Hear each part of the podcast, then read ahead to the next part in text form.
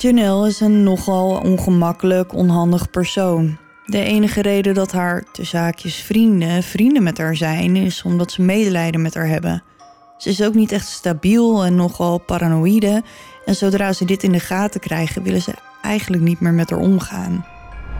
Laura schiet overeind en instinctief schieten haar handen naar haar ogen om ze te beschermen tegen het onverwacht felle licht. Bij het raam staan enkele zeer vreemde wezens. Ze is ook niet meteen bang, maar dan gebeurt er iets. Barbara's dekens worden met een ruk van haar bed getrokken.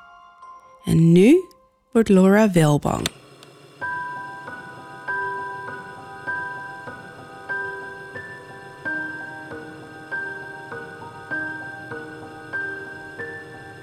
Dit is Duister. Een podcast waarin je wordt meegenomen naar het onbekende, het onbegrijpelijke. Zwarte bladzijden van de geschiedenis komen voorbij. Hier hoor je de verhalen achter moord, doodslag en onverklaarbare gebeurtenissen. We kruipen in de hoofden van een serie moordenaars, heksen, mythische wezens. Luister. En huiver naar duister. Hallo, lieve duisteraars. Hallo. Aflevering 76. Zeker. Het einde van het seizoen komt in zicht, jongens. Nog maar twee. Ja, ik denk, ik fiets hem er maar even in om jullie alvast even voor te bereiden op dit eh, treurige nieuws. Ja, nog twee. En dan eh, hebben we even een stop. Ja, en dat is op zich ook wel fijn, want de feestdagen zitten ertussen. Eh het spook en ik moeten het hele huis schilderen, want ehm, ja, het moet ooit een keer in de verkoop. En ehm, we moeten nog eh, plinten leggen en we moeten nog... Hoe lang woon je hier al? Al heel lang, al eh, sinds 2015. Ehm, en er moeten nieuwe keukenkastjes gemonteerd worden en zo. Dus op zich komt mij onze break Ja, ik ga de zolder schilderen. best wel goed uit. Oh ja? Ja, ik ga mijn kantoor naar boven verplaatsen, Oh. denk ik. Mijn vader is het er niet mee eens, maar dat geeft niet. Wel Eh, meer ruimte daar. Ja, er staat wel een logeerbed, maar dan hoef ik het niet meer zeg maar in mijn woonkamer gedeelte te hebben. Mhm. Ehm, dus dat zou wel chill zijn. Maar ik ga in ieder geval schilderen of ik mijn kantoor er nou naartoe verplaats of niet. Daar moet geschilderd worden. Oké. Dus, ehm, ja, dus er komt een stop aan. Maar Niet getreurd. niet getreurd. Nee, zeker ik dacht, die fiets ik er even in. Ja, dat is heel goed van jou. Vertel. Nou, ehm, om te beginnen, we hadden het er de vorige keer al een beetje over. We gaan een nieuwsbrief beginnen. Ja, Ehm, daar krijgen we een beetje hulp bij. Hij gaat iedere twee weken komen. ja, En daarin ga je onder andere de veelgevraagde foto's vinden... bij Ja. horende bij eh, de afleveringen. En een heleboel andere nieuwtjes en feitjes En en, verhalen en, en- verhalen. Ja. En eigenlijk alles wat eh, te maken heeft met de zaken die we doen of gedaan hebben. Of, ander ehm, nieuws. Ja, ik kwam laatst iets tegen over eh, een eh, nieuwe documentaire over Tutankhamon. Ja, dat ja. klopt, die zag ik. Ja, nou, dat soort dingen die zul je allemaal vinden in de nieuwsbrief. Ja. Ehm, maar de nieuwsbrief is niet het enige leuke nieuws dat we hebben. Nee, maar voordat ik dat ga aankondigen, Mhm. ga ik wel even zeggen dat je je nu kan aanmelden voor die nieuwsbrief. Ah, nu, het nu, is eindelijk nu, zover. Nu, ja. Ehm, lijkt mij een goed idee als ik hem eventjes eh, de link in de, in de bio plaats. Dat ja, je gewoon goed idee. eh, direct die kant op gelinkt wordt. en dan, eh, dan kun je je inschrijven. We kregen al een aantal vragen. en we doen het gewoon op deze manier. En dan, mocht je hem even niet kunnen vinden, stuur ons vooral een berichtje. En dan Linken we hem even voor je. we je door. Ja, en dan het andere grote nieuws, jongens. We hebben het er nu echt al een hele tijd over. We hebben jullie al een beetje geteased met hier naar een opmerking. Ehm, maar het gaat nu echt gebeuren. Mhm. We hebben een datum Mhm. voor ons allereerste duisteruitje. Ja, het gaat gewoon echt gebeuren. Ja, het gaat gebeuren op 16 december in de Amsterdam Dungeons. Yay! Ja, superleuk. Ja, ik heb er zoveel zin in en het gaat gewoon eindelijk gebeuren. Ik niet. Nee, dat weet ik, maar dat geeft niet. Je hoeft niet mee. Oké, prima. Nee, ik, ehm, ik ga wel mee als er maar geen enge ac- acteurs zijn. Acteurs voor mij nou. Als er maar geen enge acteurs zijn die dan vervolgens in mijn nek hangen. En ehm, Daar zijn ze voor. ja, dat is heel leuk. Maar dat doen ze dan maar bij jou en bij alle andere duisteraars, maar niet bij mij. Ja, dus ehm 16 december. ja, ehm, ik denk dat je je kan aanmelden via de nieuwsbrief, zeg ik dat goed? Mm, Ja, dat is nog niet helemaal Duidelijk. duidelijk. Ehm, maar dat gaan we in ieder geval... Ja, het komt sowieso in een nieuwsbrief. Dus meld je aan voor de nieuwsbrief... zodat je ook voor dit evenement op de hoogte gehouden wordt. Precies. Het is wel voor een klein, heel klein groepje. Ja, Ehm, we weten nog niet precies hoeveel mensen... maar het is wel echt een select ehm, groepje. duister mini, zeg maar. Ja, we, kunnen, we willen jullie het liefst allemaal erbij hebben, maar dat ehm, Nou ja, mocht het een succes zijn, dan kunnen we het altijd nog een keer herhalen. daarom. Maar ik geloof dat er nu iets, iets van eh, nou ja, minder dan 50 man zelfs eh, Ja, zoiets, om en nabij. bedacht is. Dus sla je slag. Als je erbij wilt zijn, moet je snel zijn. Ehm, maar meer nieuws volgt dus in de nieuwsbrief. Ja, Oké, dat was dat. Ehm, het is al even geleden, maar het wordt weer eens tijd voor een ander speciaal momentje in de podcast. Namelijk ons sponsormomentje. Oké, ik moet toegeven dat ik het nog niet zelf heb gelezen. Maar ik hoop zeker dat het misschien wel onder mijn kerstboom eindigt. Namelijk het boek Er was eens iets anders van Danielle Teller. Het boek vertelt het verhaal van Agnes, de toch niet zo boze stiefmoeder van Wassepoester. Want wanneer er in het land geruchten de ronde doen over de vrede opvoeding van de nieuwe prinses Assepoester, besluit Agnes het ware verhaal te vertellen. In haar tienerjaren wordt Agnes door haar arme boerenfamilie weggestuurd om bij een wasserij te gaan werken. Na enkele jaren ontvluchtte haar tyrannieke bazin, raakt onderweg zwanger en weet uiteindelijk als alleenstaande moeder een bestaan op te bouwen. Door een ongelukkige gebeurtenis keert ze terug naar het landhuis met de wasserij. Daar wordt ze het kindermeisje van de Assepoester. Ze worstelt met haar liefde voor dit meisje dat haar stiefdochter wordt en uiteindelijk de gevierde prinses die de onbereikbare fantasieën van velen belichaamt.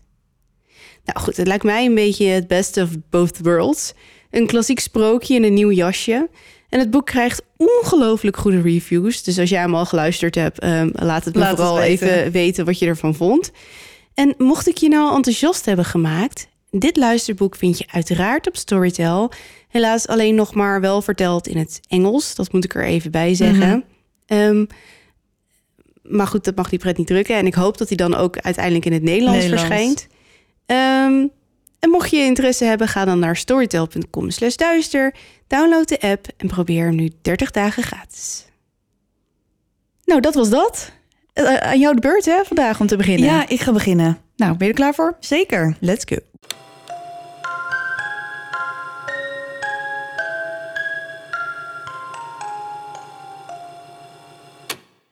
We beginnen vandaag in Kennett Square, Pennsylvania. Hier woont de familie Potter. Moeder Barbara, vader Marvin, beter bekend als Buddy, hun oudste dochter Christy en jongste dochter Janelle. Christy, die zes jaar ouder is dan Janelle, heeft altijd het gevoel dat ze niet echt helemaal binnen het gezin past. Buddy meldt zich op 18-jarige leeftijd aan bij de marine en dient tijdens de oorlog in Vietnam. Eenmaal terug loopt hij rugletsel op, waardoor hij niet meer kan werken. Hij wordt arbeidsongeschikt verklaard en leeft van een uitkering. Ook al is hij werkloos, Buddy ziet zichzelf nog steeds als marinier. Hij beweert ook dat hij voor de CIA heeft gewerkt. Hmm. Maar dat is nooit officieel bevestigd.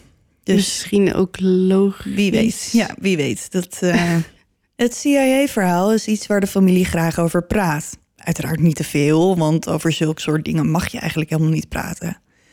Barbara schept graag op over Buddy's tijd als CIA-agent. Als iemand er naar vraagt, komt ze met een dramatisch verhaal... om vervolgens snel te zeggen dat ze verder niets weet... want Buddy heeft natuurlijk geheimhoudingsplicht... en ze zou hem nooit naar details vragen. Hmm. Ja. Buddy's militaire loopbaan en het mysterie van zijn betrokkenheid bij de CIA bepalen voor een groot deel de identiteit van het gezin. In hun huis hangen foto's van Buddy als militair en zijn medailles worden tentoongesteld. Hij draagt vaak kleding of petten met het logo van de mariniers, zodat iedereen kan zien dat hij zijn land gediend heeft. Hij is ook altijd gewapend. Iedereen die Buddy ontmoet is gelijk op de hoogte van zijn militaire achtergrond. Barbara staat erom bekend een wilde fantasie te hebben en ze heeft vaak ruzie met vrienden en buren. Ze is een sterke vrouw en samen met Buddy beheerst ze alle aspecten van het leven van hun dochters. Zodra Christy, de oudste dochter, klaar is met haar studie, laat ze haar ouderlijk huis achter zich, begint te leven voor zichzelf en blijft zo ver mogelijk bij haar ouders uit de buurt.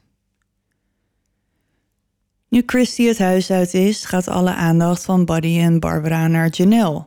Janelle, die lijdt aan diabetes en een angststoornis heeft, vraagt ook nogal wat aandacht. Ze heeft een leerstoornis en gaat daarom niet gelijk op met haar leeftijdsgenoten. Ze gaat naar het speciaal onderwijs en heeft eigenlijk helemaal geen vrienden. Ze mag ook niet zoveel van haar ouders, die hebben haar liever gewoon thuis waar ze haar in de gaten kunnen houden. Als Janelle eenmaal volwassen is, is ze niet in staat om te werken door haar slechte gezondheid en haar leerproblemen. Ook zij ontvangt een uitkering. Janelle leunt erg op haar ouders en dat vinden zij helemaal niet erg.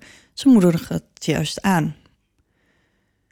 Janelle is lang voor een vrouw. Ze is volgens mij net iets boven de 1,80. ehm, maar ze praat wel heel kinderlijk.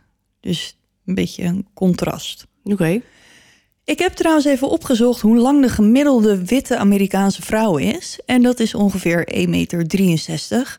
Eh, dus Janelle is wel echt een stukje langer. Hm. En hier in Nederland is de gemiddelde vrouw 1,70 meter.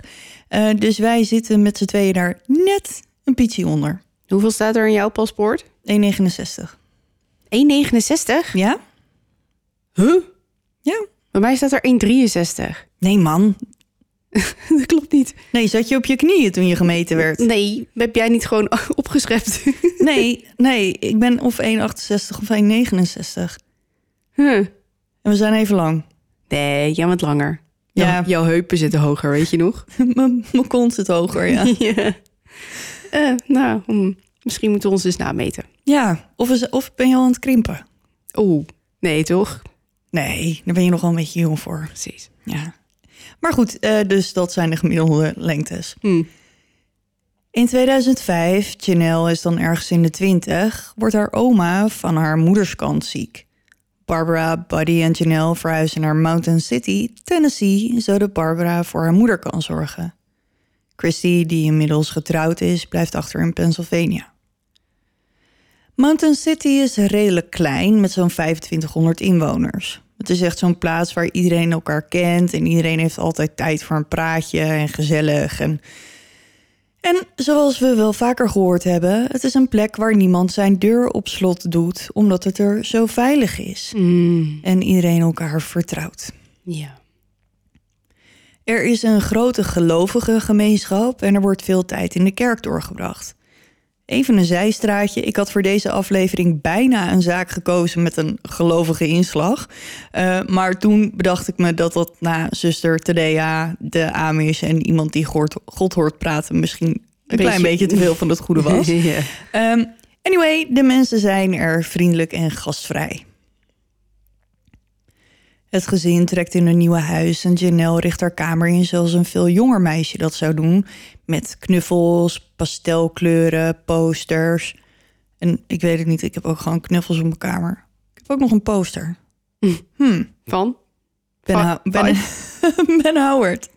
Oh, Ja, geen K3 of zo. niet? Nee, Backstreet Boys? ook niet. Nee. Barbara... Had je wel, toch?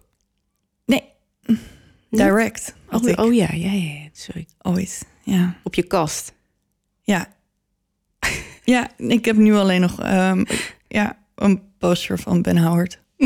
niet van Ben Howard zelf, zijn album, albumhoes. Dus niet. Oh, niet met een bloot bovenlichaam en zijn knoop open van zijn broek. En, Nee, ah, oké. Nee. Ik weet niet eens hoe die eruit ziet. Is Knap. die een beetje leuk? ja, hij is wel knap. Hm. Ik had wel ooit een ehm, kalender met blote mannen met rood haar. Oh, Ja, en we gaan door. ja we gaan door. Eh, waar was ik gebleven? nou ja, goed, der kamer dus. ehm, en Barbara en Buddy houden haar goed in de gaten. Hè? Omdat ze nogal ja, naïef is en een beetje mentaal jong. Ehm, en door haar ziekte heeft ze geen rijbewijs, dus is echt volledig afhankelijk van haar ouders. En zoals ik al eerder zei, zo hebben haar ouders het wel graag. Hm. Ze maken zich wel zorgen om haar. Ze houden elk sociaal contact van, van Janelle goed in de gaten. Zoveel contact heeft ze echter niet, want ze is altijd met haar ouders. De enige keer dat ze haar huis uitkomt is om met haar ouders mee te gaan naar de supermarkt, naar de dokter of de apotheek om er medicijnen op te halen. Buddy is er op dit moment zo slecht aan toe dat hij altijd een zuurstoftank bij zich moet hebben. Doordat ze zo vaak bij de apotheek komen, maakten ze daar regelmatig een praatje met de vrouw die daar werkt, Tracy Greenwell. Tracy is vriendelijk en populair en heeft een grote groep vrienden in Mountain City. Als Tracy in de gaten krijgt dat Chanel eigenlijk helemaal geen vrienden heeft, krijgt ze medelijden met haar. Tracy besluit om Janelle uit te nodigen om iets te gaan doen samen. Een keertje naar het winkelcentrum of iets doen bij haar thuis. En tot Janelle's grote verbazing hebben haar ouders geen bezwaar tegen deze uitnodiging. Janelle trekt steeds vaker met Tracy en haar vrienden op en heeft voor het eerst in haar leven het gevoel dat ze ergens bij hoort, dat ze vrienden heeft. Er valt vrij weinig te doen in Mountain City en Facebook is een groot onderdeel van het sociale leven van de mensen die daar wonen. Dit geldt ook voor Janelle en iedere dag maakt ze nieuwe online vrienden. Het geeft haar een goed gevoel als iemand haar vriendschapsverzoek accepteert. En voor het eerst in haar leven heeft ze het gevoel dat ze een groot aantal vrienden heeft. Heel veel online vrienden waarvan ze de meeste nooit ontmoet heeft. Hm. Omdat Janelle kwetsbaar is, houden haar ouders haar Facebookpagina goed in de gaten. Ze weten precies wat hun dochter uitspookt. Ook luisteren ze haar telefoongesprekken af en ze weten altijd waar ze is. Ze is ook eigenlijk altijd thuis, dus dat laatste is niet zo heel lastig. Via Tracy leert Janelle Bill Payne kennen, de broer van Tracy. Bill werkt in een plaatselijke fabriek, een baan die hij al heeft sinds hij van de middelbare school kwam. Tracy heeft verschillende baantjes en de twee zijn niet van plan Mountain City ooit te verlaten, want dit is hun thuis. Bill is net zoals zijn zus Tracy erg populair bij zijn vrienden. Tussen zijn twintigste en dertigste drinkt en feest Bill wat af. Hij gebruikt sterke pijnstillers als recreatieve drugs, zoals de meeste van zijn vrienden. Ze delen en ruilen pillen, soms wordt er geld voor betaald. Bill verkoopt af en toe zijn pillen aan vrienden en collega's. Het is dus niet echt een drugsdealer te noemen. Of tenminste, niet iemand met klanten van buitenaf. Hm. Een beetje de dealer onder zijn vrienden. Ja, maar iedereen ruilt ook gewoon met elkaar. Dus iedereen dealt met iedereen. Hm. Zo. Een aantal jaar later, als hij achter in de dertig is, beseft hij dat zijn drugsgebruik uit de hand is gelopen en hij gaat op zoek naar hulp om van zijn verslaving af te komen. Hij begint met het slikken van buprenorfine, een medicijn dat helpt om af te kicken van zware pijnstillers zoals morfine. Heb je daar een medicijn voor? Ja, Dat wist ik helemaal niet. ja, dat wist ik ook niet, maar dit is blijkbaar iets wat daarvoor eh, voor wordt voorgeschreven. Oké. Een medicijn om van je medicijnen af te kicken. Hm. Ja. Nou ja, als het helpt. Ja, zeker, zeker. Op zijn werk ontmoet Bill zijn vriendin, Billie Jean. Oh, En niet die van Michael Jackson, denk dus ik. Bill en Billy. Bill en Billy en Billie Jean. Ja. ja. Ehm, Billie Jean is altijd vrolijk, goed lachs en Bill is op slag verliefd. Ze is begin twintig en ondanks het leeftijdsverschil werkt de relatie perfect. Deze twee zijn gewoon voor elkaar gemaakt. Ze is goed voor hem en het valt zijn vrienden op dat Bill het een beetje kalmer aan gaat doen. Hij feest niet meer zoveel en hij drinkt ook niet meer zo vaak. Hij is er klaar voor om zich te settelen met de vrouw van zijn dromen en een rustiger leven te gaan leiden. Het nieuws dat Bill een relatie heeft valt bij Janelle niet in goede aarde. Zij is ervan overtuigd dat er een diepe connectie is tussen haar en Bill. Janelle is verliefd, tot over haar oren. O jee. En ze haat Billie Jean, want zij heeft Bill en zij niet. Hm. Omdat ze het grootste gedeelte van haar leven sociaal geïsoleerd geleefd heeft, is Janelle heel veel onvolwassener dan haar leeftijdsgenoten. Hoewel ze bijna 30 is, heeft ze meer de mentaliteit van een tienjarig meisje. Dus het is gewoon niet zo goed ontwikkeld, omdat ze natuurlijk nooit vriendjes uh, van haar eigen leeftijd heeft gehad ook. Het, is toch een beetje vreemd hoor, dit. Ja. Maar ze heeft geen um, beperking. Nee, ze, nee. Nee, ze heeft wel moeite met leren. Ja, maar bijna 30 zijn en je gedragen als een tienjarige is wel heftig hoor. Ja, maar als je altijd alleen maar met je ouders bent en die je ook babyen als een baby, ja, dan is het natuurlijk wel lastig om ja, die ontwikkeling door te maken die je normaal maakt als je. Jawel, ik bedoel, ik snap dat je niet zoveel ervaring hebt uh, met bepaalde dingen. Ja. Maar zo erg achterblijven is wel. Uh... Ja, misschien is dit ook wel overdreven hoor, maar dit is wat oh, ik, nee, ja, wat ik vond. maar dit is gewoon, ja, ja. ik vind het wel heftig eigenlijk. De gevoelens van Janelle hebben geen invloed op de relatie van Bill en Billie Jean. Bill ziet Janelle eigenlijk alleen als een vriendin van zijn zus. En verder speelt ze eigenlijk helemaal geen rol in zijn leven. De relatie tussen Bill en Billie Jean wordt serieuzer en Billie Jean trekt bij Bill en zijn vader, die bekend staat als Pa Bill, in. in 2011 krijgt het stel hun eerste kindje, zoon Tyler. Janelle leert Jamie Kurt, de neef van Tracy en Bill, kennen. Jamie vindt haar schattig, iets wat onnozel en naïef en al snel beginnen de twee te daten.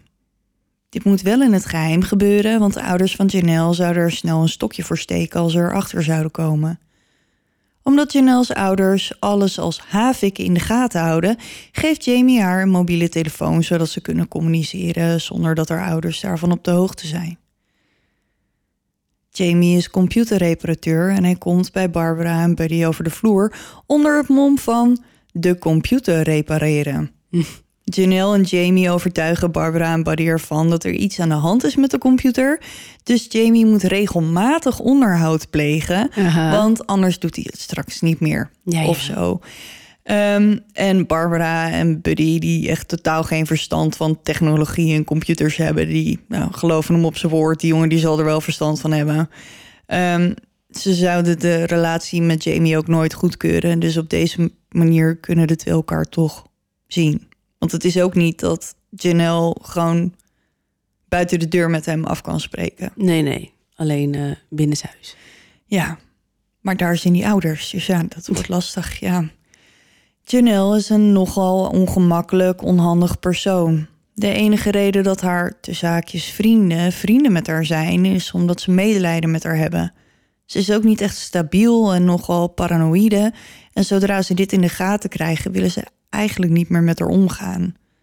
Janelle beweert al twee vrouwen uit de buurt als stoken. Ze gaat naar het kantoor van de sheriff om een aanklacht tegen de vrouwen in te dienen. En daarbij verklaarde ze dat een van de twee haar had verwijderd uit haar favoriete mensenlijst op MySpace.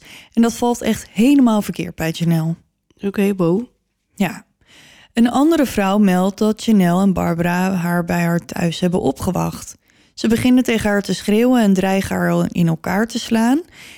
Nou ja, deze acties maken haar en haar moeder niet echt populair in de buurt. Um, en zoals het in een klein stadje gaat, doen deze verhalen natuurlijk snel de ronde en mensen beginnen haar als Facebook-vriend te verwijderen. En Janelle ziet het als een afwijzing en nou ja, met die afwijzing kan ze helemaal niet omgaan. Buddy besluit om naar de sheriff te gaan om hem te vertellen dat iemand Janelle heeft ontvriend op Facebook.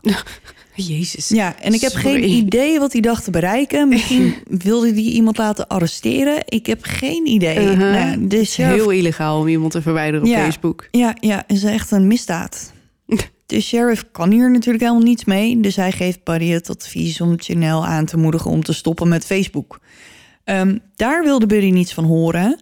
Um, en sheriff Mike Reese zegt hierover het volgende. Facebook was haar hele leven. Als je haar verwijderde, begonnen Janelle en haar ouders je lastig te vallen. Als je ze tegenkwam in de supermarkt, gingen ze de confrontatie met je aan en belandde je in een woordenwisseling. Het was steeds hetzelfde liedje met deze mensen. Tot zover de sheriff. Oké, gezellig. Gezellig. In twee gevallen wordt er een contactverbod voor Janelle aangevraagd. In mei 2011 beweert de eerste vrouw dat Janelle haar begint lastig te vallen nadat ze haar ontvriend heeft op Facebook, maanden daarvoor. Janelle zou er tussen de 5 en 20 keer per dag bellen. In diezelfde maand komt er een andere vrouw naar voren die precies hetzelfde met Janelle meemaakt. Gelukkig heeft Janelle Jamie nog in haar leven. Ze is nog steeds verliefd op Bill, maar ze is in ieder geval niet alleen. Ze houdt Bill en Billie Jean goed in de gaten. Ze steekt haar gevoelens voor het stel niet onder stoelen of banken en verkondigt op Facebook dat ze wenst dat Bill, Billie Jean en hun verdomde baby zouden sterven. Oh jemig. Ja, Janelle gaat daarmee echt veel te ver. Bill is er klaar mee en besluit haar van Facebook af te gooien. Billie Jean is hem al voorgegaan, dus die heeft al eerder gezegd, joh, uh, de groeten. Ja. Janelle betekende toch al niets voor hen. Um, en ze hebben ook gewoon wel wat anders aan hun hoofd. Hun nieuwe baby en het leven als jonge ouders, bijvoorbeeld. Janelle kan ze gestolen worden, want nou ja, ze willen gewoon verder met hun leven. Ja. Rond deze tijd vertelt Janelle haar ouders dat ze op Facebook gepest wordt door anonieme mensen. Ze bedreigen haar, zeggen dat ze haar gaan verkrachten en dat ze te mooi is om te leven, wat dat dan ook mogen betekenen. Kortom, ze is het slachtoffer van cyberpesten. Barbara, die het uiteraard voor haar dochter opneemt, post op haar Facebook een oproep aan mensen om niet meer op haar Facebookpagina te schrijven. Ik weet niet wat ze denkt daarmee te bereiken. Um, en laten we eerlijk zijn, cyberpesten is wel echt een enorm probleem. Ja, absoluut, absoluut. Ja, dus laten we dat wel even vooropstellen. Ja, dat, het wordt niet uh, gebagitaliseerd, zeg maar. Nee, maar in dit geval is het een beetje dubieus. Ja, zeker.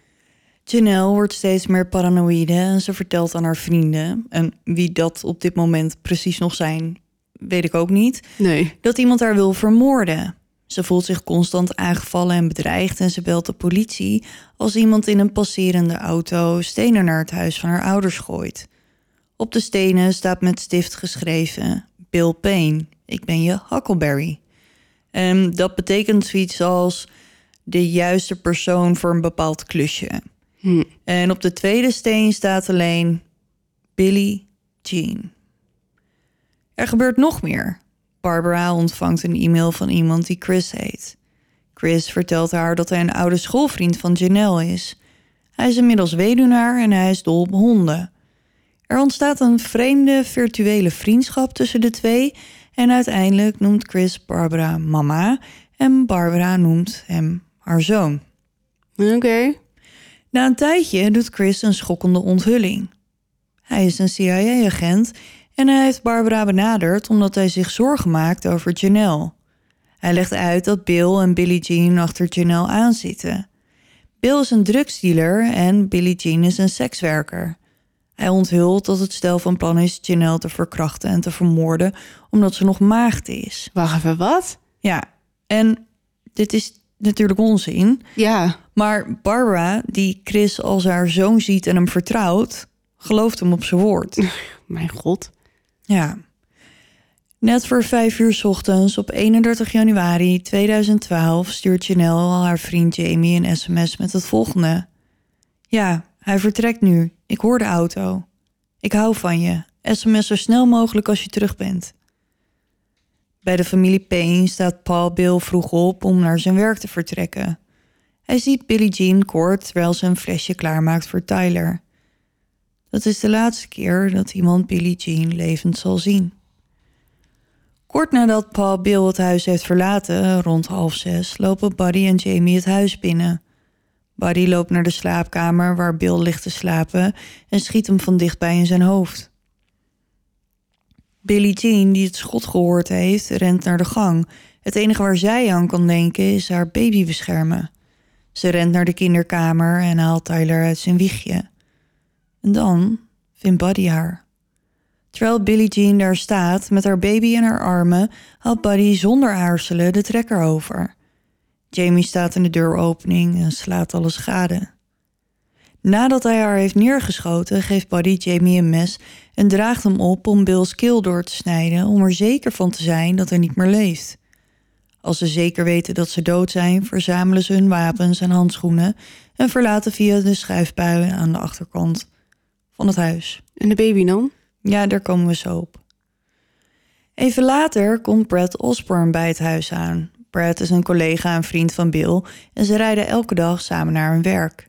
Hij laat zichzelf, zoals altijd, via de schuifbui binnen, want die is eigenlijk altijd open. Het is stil in huis.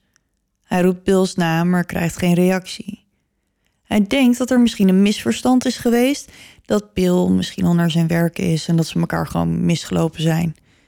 Hij verlaat het huis via dezelfde weg als hij gekomen is, via de schuifbui. Rond half elf komt buurman Roy Stevens bij het huis aan om zijn post op te halen. Het is een koude morgen en zoals hij al ontelbare keren eerder heeft gedaan, gaat hij het huis binnen. Hij klopt altijd één of twee keer voordat hij zichzelf binnenlaat, zodat hij zijn komst kan aankondigen, en doet dat deze keer ook. Als hij binnenkomt, hoort hij de zes maanden oude Tyler boven huilen. Hij gaat ervan uit dat Billie Jean bij hem is om hem te troosten, maar hij hoort alleen de baby huilen. Er is echt geen enkel ander geluid te horen. Na een tijdje realiseert hij zich dat er iets mis is. Hij gaat op zoek naar Tyler en Billie Jean en loopt naar de kinderkamer.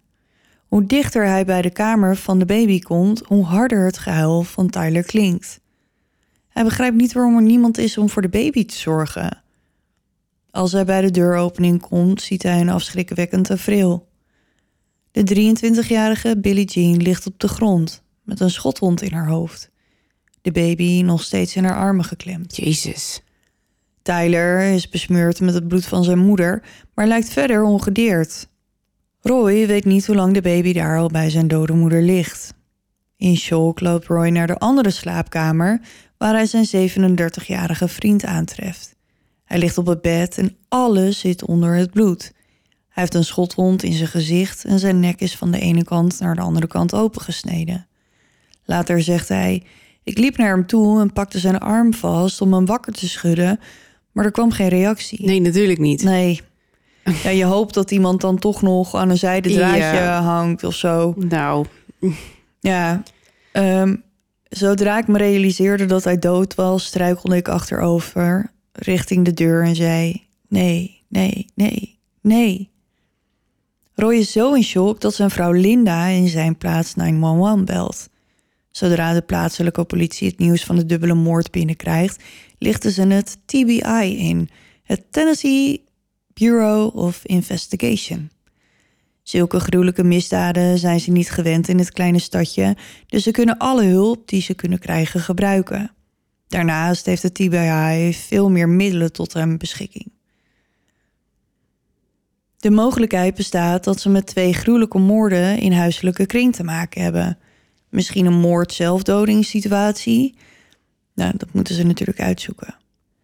Ze ondervragen de familie en vrienden van het stel om zich een beter beeld van Bill en Billie Jean en hun leven samen te vormen. Eigenlijk weten ze vanaf het begin al dat ze niet met een typische moordzaak te maken hebben. De plaatsdelict levert geen aanwijzingen op. Er is niets te vinden dat ze verder kan helpen. De autopsies brengen ook geen nieuwe informatie aan het licht. Bill en Billie Jean zijn in koele bloeden neergeschoten in hun eigen huis. Speciaal agent Lott van de TBI is verontrust door de feiten van de zaak. Hij zei het volgende. Er is een koelbloedig persoon voor nodig om iemand neer te schieten die een baby vasthoudt. Nou, daar kunnen we het allemaal wel mee eens zijn, denk ik. ja. Het duurt natuurlijk niet lang voordat de politie op de hoogte is van het feit dat het niet botert tussen Janelle en Bill en Billie Jean. In Mountain City kent iedereen elkaar en er wordt natuurlijk volop gepraat tussen de bewoners. Vrienden van Bill en Billie Jean vertellen de politie onafhankelijk van elkaar over de feiten op Facebook tussen het jonge stel en de familie van Janelle. Als de politie vraagt of het stel vijanden had, dan geeft iedereen volmondig hetzelfde antwoord. De Potters. Ze vertellen dat Janelle hen al meer dan een jaar lastig viel op social media. Iemand weet ze te vertellen dat Bill's neef, Jamie, een relatie heeft met Janelle en waarschijnlijk de juiste persoon is om te ondervragen. Jamie had nog niet zo lang geleden ruzie met Bill gemaakt over de situatie tussen Janelle en Bill. Linda Stevens, de vrouw van Roy die 911 heeft gebeld, werkt in de plaatselijke supermarkt. Zij vertelt de politie dat er een paar maanden eerder getuige is geweest van een woordenwisseling tussen Barbara, Janelle en Billie Jean. Billie Jean stond te tanken toen moeder en dochter naast haar stopten, bedreigingen naar haar riepen en haar de huid vol scholden. Toen Linda hun kant op kwam, reden ze weg. Billie Jean is in tranen en vertelt Linda het volgende. Het houdt niet op. Ze volgen me overal en nu ik moeder ben, zeggen ze dat ik daar ongeschikt voor ben. Ze noemen me uitschot en ze bedreigen me voortdurend. Met deze informatie op zak brengt de politie een bezoekje aan de familie Potter. Zij beweren dat Janelle door Bill en Billie Jean gepest werd. Um, dus zij is het slachtoffer en niet het dode stel. Ze geven toe dat er spanningen waren tussen hen en het jonge stel, maar ze ontkennen stellig iets met de moorden te maken te hebben. Het is een christelijke familie met conservatieve waarden en de politie denkt niet dat ze er iets mee te maken hebben. Hoewel er online intimidatie plaatsvond, vinden ze dat niet genoeg reden om iemand te vermoorden. Bovendien, Buddy mag dan wel een ex-marinier zijn die tot moord in staat zou kunnen zijn. Hij is niet in topvorm. Hij is afhankelijk van een zuurstoftank. Dus hij kan het toch ook gewoon niet gedaan hebben? Uh, nou ja, hè? Ja. Zes uur na de ontdekking van de lichamen ondervragen ze Jamie op het politiebureau. Ze zijn dan al bij Janelle en haar ouders geweest. En Jamie staat voor 100% achter Janelle. Hij kiest de kant van zijn vriendin en niet die van zijn neef. Hij geeft toe dat Bill als een broer voor hem was, maar hij was het niet eens met hoe Bill met Janelle omging. Hij ontkent uiteraard ook iets met de moorden te maken te hebben. Hij stemt in met een leugendetectortest. Dat had hij beter niet kunnen doen, want hij faalt. Hm. De vraag die hem de das omdeed was... weet je zeker wie die mensen heeft vermoord? Wat is dat over een gekke vraag ook? Ja. Weet je zeker wie die mensen heeft vermoord? Ja. Oké. Ja. ja, dat zal wel een speciale formulering voor een leugendetectortest zijn. Oké, en dat, toen ging hij door de mand. Ja, dus Jamie beweert dat hij dat niet weet. Um, maar het is voor de agenten overduidelijk dat hij liegt. Rechercheurs van het TBI weten nu dat ze iets op het spoor zijn en ondervragen hem opnieuw.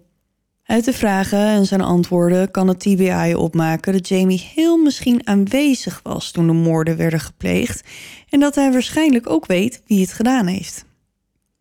Ze denken er wel zeker van te zijn dat Jamie niet degene is die de trekker overhaalde. Op een gegeven moment vraagt Jamie of de CIA aanwezig is op het politiebureau. De rechercheurs vinden dit een beetje een vreemde vraag. Um, en ze denken eigenlijk dat Jamie gewoon een beetje probeert de aandacht van zichzelf af te leiden. Ja, ja. Maar Jamie vindt het helemaal niet zo'n gekke vraag. Hij heeft het idee dat hij en Buddy handelden in opdracht van een overheidsfunctionaris en dat hij Chris moest spreken om de gebeurtenissen te bevestigen die leidden tot de moorden op Bill en Billie Jean. Hè? Ja, dat vertelt hij aan de politie. En die hebben geen idee waar het over gaat natuurlijk? Nee. Oké. Nee, dus hij denkt dat die moorden dus gepleegd zijn in opdracht van Van die CIA? CIA-agent. Ja, ja. Ehm, dus ze moeten met hem praten. Oké. Ja. Ehm, de politie is natuurlijk nogal in de war en ze vertellen hem dat er helemaal geen CIA-agent is en ze vragen hem om meer informatie. Ze overtuigen hem om naar de familie Potter te bellen en ze nemen het gesprek op. Barbara neemt de telefoon op. Ze is opgelucht te horen dat ze hem hebben vrijgelaten. Dat is niet zo, dat is gewoon onderdeel van een smoes om haar aan het praten te krijgen. Ze lieten je gewoon gaan, vraagt Barbara. Ja. En de leugendetectortest? Ben je geslaagd? Ja. Nou, dat is geweldig. We hebben voor je gebeden. Janelle zag vandaag zelfs een engel in de computerkamer. Dan geeft ze de telefoon aan Buddy, die wil weten of alles in orde is. Jamie, die door de politie wordt aangespoord om Buddy zoveel mogelijk informatie te ontfrutselen, doet een onhandige poging. Ja, ik wilde, uh, je weet wel, bellen en uh, je laten weten gewoon. Uh, je hebt alles weggedaan wat bij Bill vandaan kwam, toch? Oké, dat is niet zo heel snugger. Nee, en Buddy antwoordt bevestigend met een aha. Jezus. En dan zegt Jamie, oké, nu voel ik me wat beter. Ja, ja, ja, ja, ja. Ja. jongen, jongen, jongen. En- Het zijn ook niet de brightest bulbs in de chandelier, eh, om maar even zo te zeggen. Ja, nou, en dan reageert Buddy met, ze hebben geen reden om je te beschuldigen of zo. Alle shit waar Bill in zat. Ik heb de laatste dagen meer gehoord over bendes en dingen waar hij bij betrokken was in Johnson City. Hij is helemaal gestoord en ik denk nog steeds dat het een fout gelopen drugsdeal is. En voor de politie, die natuurlijk meeluistert, voelt dit niet zozeer als iets wat Buddy echt denkt. Het voelt meer alsof hij nog eens herhaalt aan welk verhaal Jamie zich moet houden. Ja, dus hij ja. herhaalt nog even wat ze eerder hebben besproken. Mhm. Ehm, en dat dat is wat hij, waar, waar hij aan vast moet houden. Ja, precies. Het gesprek tussen Jamie en Buddy levert de politie niet precies de bekentenis op waar ze op hoopten, maar de simpele uh van Buddy op de vraag van Jamie of hij het bewijsmateriaal uit het huis heeft weggewerkt, is voldoende voor een arrestatie. Het is dunnetjes, maar ze hebben tenminste iets. Ze lichten hem om half drie s'nachts van zijn bed en nemen hem mee naar het bureau. Ze ondervragen hem en proberen te begrijpen waarom hij de brute moorden heeft gepleegd. Uiteindelijk begint Buddy te praten en vertelt ze dat er een prijs van 3000 dollar voor de moord op Janelle was uitgeloofd. En als haar vader moest hij haar beschermen. Als zij hen niet zouden doden, ehm, dan zouden zij zijn dochter vermoorden. Volgens hem zijn Barbara en Janelle niet op de hoogte van wat hij heeft gedaan, want hij heeft helemaal in zijn eentje gehandeld. Voordat ze verder gaan met het verhoor, geven ze Buddy de kans om zijn vrouw te bellen. Ze nemen het gesprek tussen Buddy en Barbara op. Buddy vertelt Barbara dat hij degene is die Bill en Billie Jean vermoord heeft. En Barbara reageert niet zoals je verwacht van iemand die net hoort dat haar man twee mensen heeft vermoord. Geen shock, geen ongeloof, geen afschuw, gewoon niks. En ze heeft het er alleen over dat hij niet schuldig is en dat ze kan bevestigen dat hij de hele nacht thuis was. Ja, ja. Dat kan Ja, makkelijk. alsof ze hem eraan wil herinneren dat hij een alibi heeft waar hij zich dan weer aan moet houden. Oké. Na het telefoontje van Buddy vraagt hij om een advocaat, dus het verhoor komt een einde. Terwijl Buddy op het politiebureau zit, wordt er bij hem thuis huiszoeking gedaan. Ze proberen natuurlijk bewijs te vinden dat Buddy aan de moord op Bill en Billie Jean linkt. Ze vinden een aantal wapens, maar kunnen op dat moment nog niet zeggen of het moordwapen erbij zit. Barbara en Janelle zijn niet echt behulpzaam en voldoen met tegenzin aan de verzoeken van de agenten. Een van de agenten ziet Barbara een stuk papier verscheuren dat op de salontafel in de woonkamer lag. Hij grijpt zo snel mogelijk in en ziet wat er op het papier staat. Een foto van Billie Jean met een paar vrienden. Een foto die is gedownload vanaf haar Facebookpagina. In de truck van de familie vinden ze drie witte vuilniszakken gevuld met versnipperd papier. Dit wekt natuurlijk hun interesse, dus die nemen ze mooi mee.